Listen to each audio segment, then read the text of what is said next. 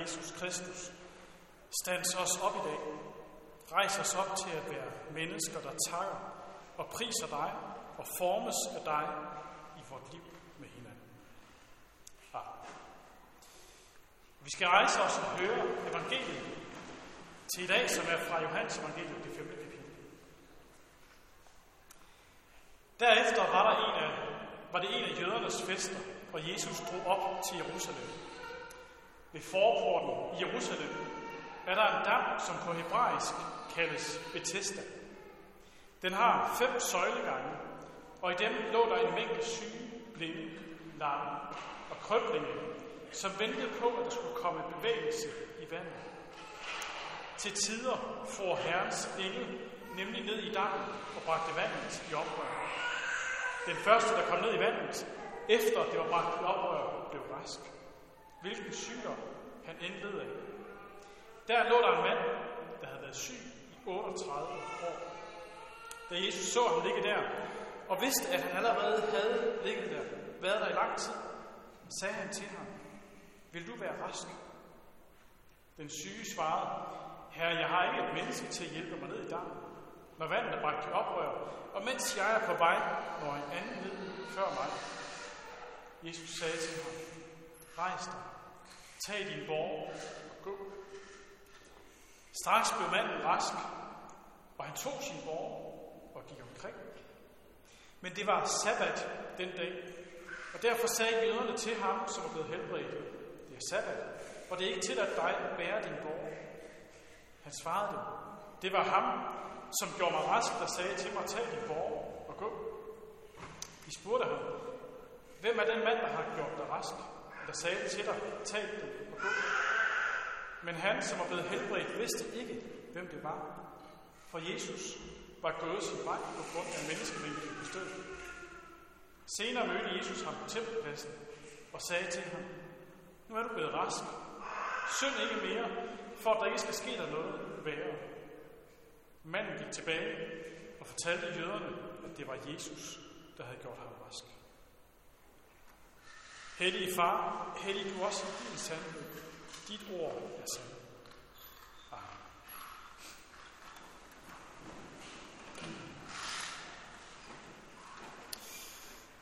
Jeg ved ikke, hvor mange af jer, der har været i Israel og har været i Jerusalem og har set området her.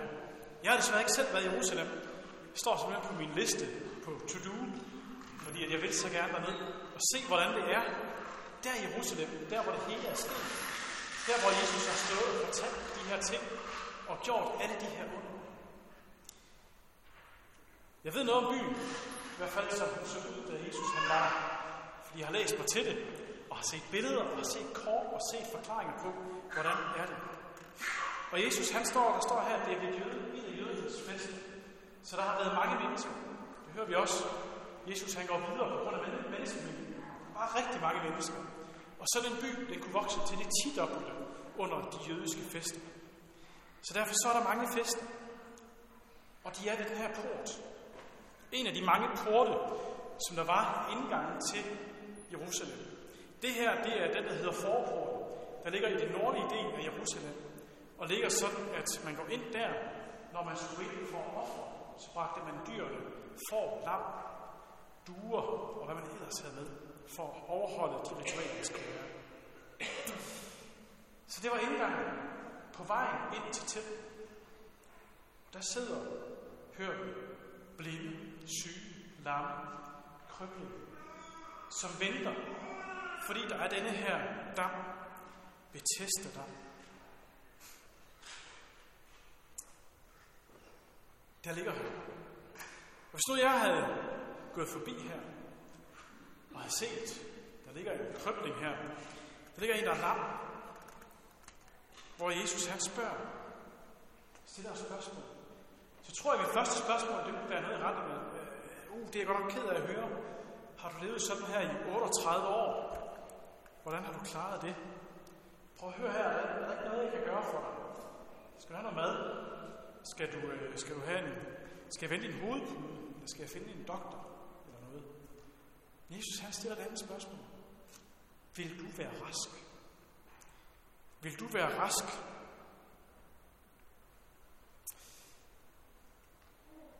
Jesus han kendte manden her.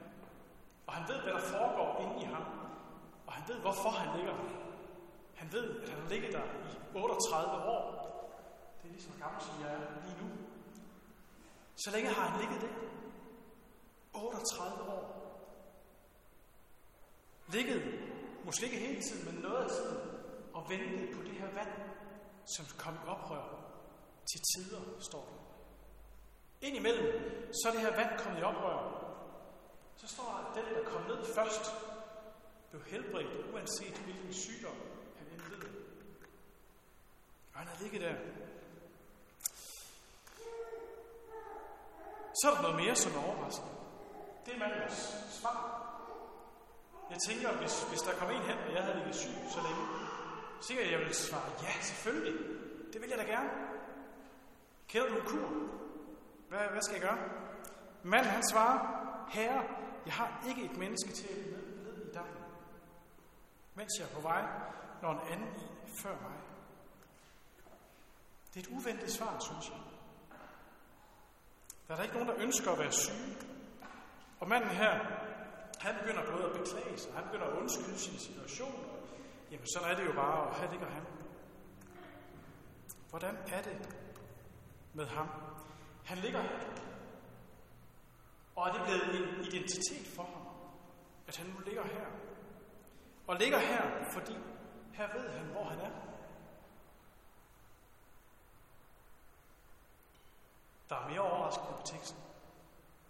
Vi læser mange steder, at Jesus han de syge. Helbreder de blinde, de larme. Ja, selv dæmoner driver han og døde vækker han op. Og ofte kan vi læse, at Jesus han siger, du er frelst. Din tro har frelst. Det hører vi ikke her. Jesus han siger, rejs dig, tag din borg og gå. Og det er det.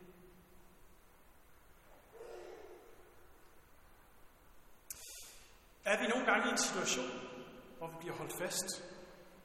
Den lamme her, for mig at se, så er han lidt et indbegreb af en, en, en lidt dårlig undskyldning. Han ligger her, og han beklager sig. Der er ikke nogen til at hjælpe ham. Så bliver han helbredt, og han går omkring, og der kommer nogen hen og siger, det er sabbat, du må ikke bære din borg. Hvordan klarer manden den situation, hvor han bliver anklaget for at have brudt et af Guds bud?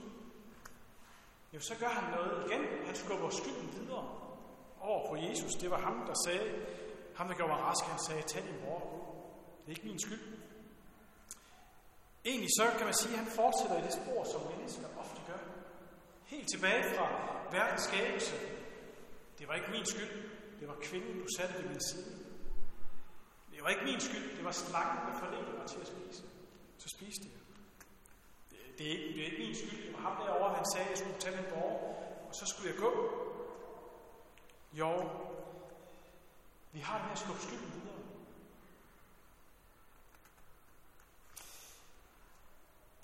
Der er noget særligt ved den her mand, som bliver helbredt.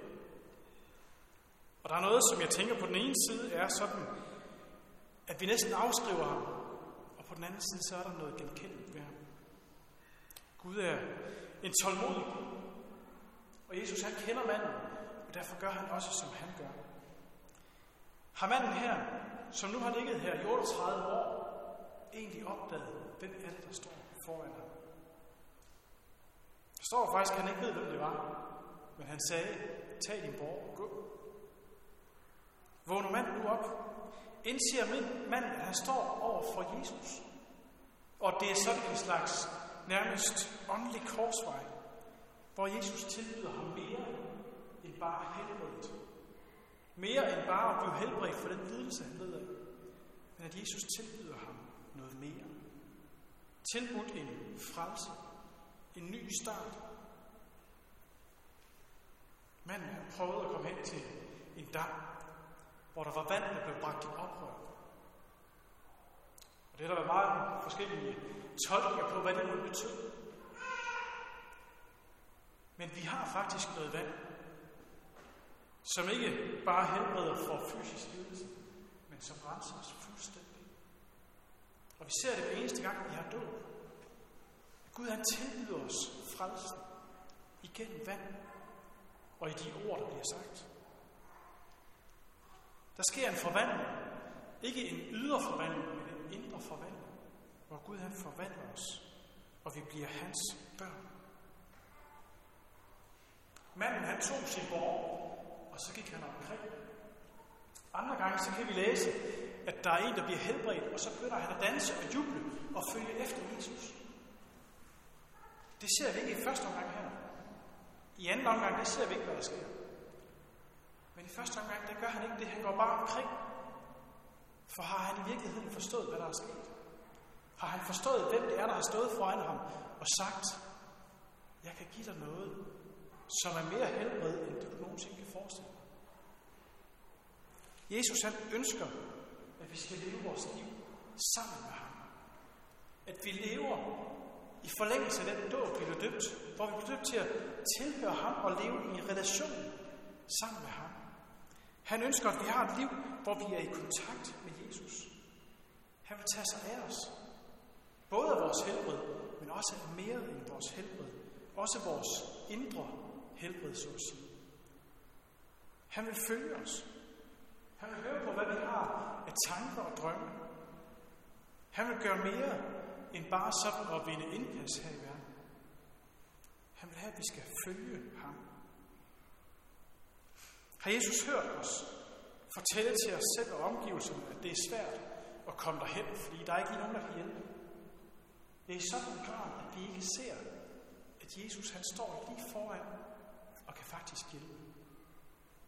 Manden havde ligget der i 38 år, og hans undskyldning er, at der er ikke nogen, der kan hjælpe mig. Nu kommer der en mand hen og siger, vil du være rask? Jeg kan faktisk hjælpe dig. Jeg kan give dig både, at du kommer hen til det her vand, hvis det er det, du vil, men jeg kan give dig endnu mere. Jeg kan give dig en frelse, hvor jeg forvandler hele dit liv og din evighed. Måske kommer Jesus til os indimellem, hvor vi ikke lige opdager, at det faktisk er ham. Han kommer til os jævnligt. Han kommer til os i sit ord. Han kommer, når vi har død. Og han tager et barn eller en voksen til sig i sin død. Han kommer til os i nadvånd om lidt, hvor han siger, jeg har overvundet alt, selv døden. Jeg har taget straffen for det hele. Og så vil han, at det skal fremkalde en forandring hos os. At det ikke bare bliver noget, som lige sker en enkelt gang, men at det er noget, som forandrer os. Og noget, hvor vi virkelig lever med det. Lever i den relation til ham, som kan gøre alt for os. Lad det få indvirkning på den måde, vi arbejder med i vores ægteskab. At han vil lære Jesus godt at kende. At Gud bliver en repræsentant blandt dem, vi er iblandt. Om det så er på min arbejdsplads, eller blandt naboer og familie. At I virkelig arbejder med at bekæmpe, hvis jeg har et eller andet misbrug. At jeg arbejder med at give troen videre til dem, jeg er blandt. Vil du være rask? Vil du gerne være rask og lade det her være en vendeplads i Ja, så er det noget, som Jesus han siger, det kan ske. For jeg står der hele tiden. Og jeg står der og vil gerne gøre dig rask. Så lad os prøve at lægge de der undskyldninger til side, som vi måske kan kende fra manden her. Jeg har ikke nogen til at hjælpe mig. Jo, herre, du kan hjælpe mig. Gud være lovet, at hvis vi bare siger ja, så kender han vejen. Så kender han vejen ikke bare til en overfladisk helbredelse. Det kan være, det kommer nu, eller i den næste verden kommer men i evighed.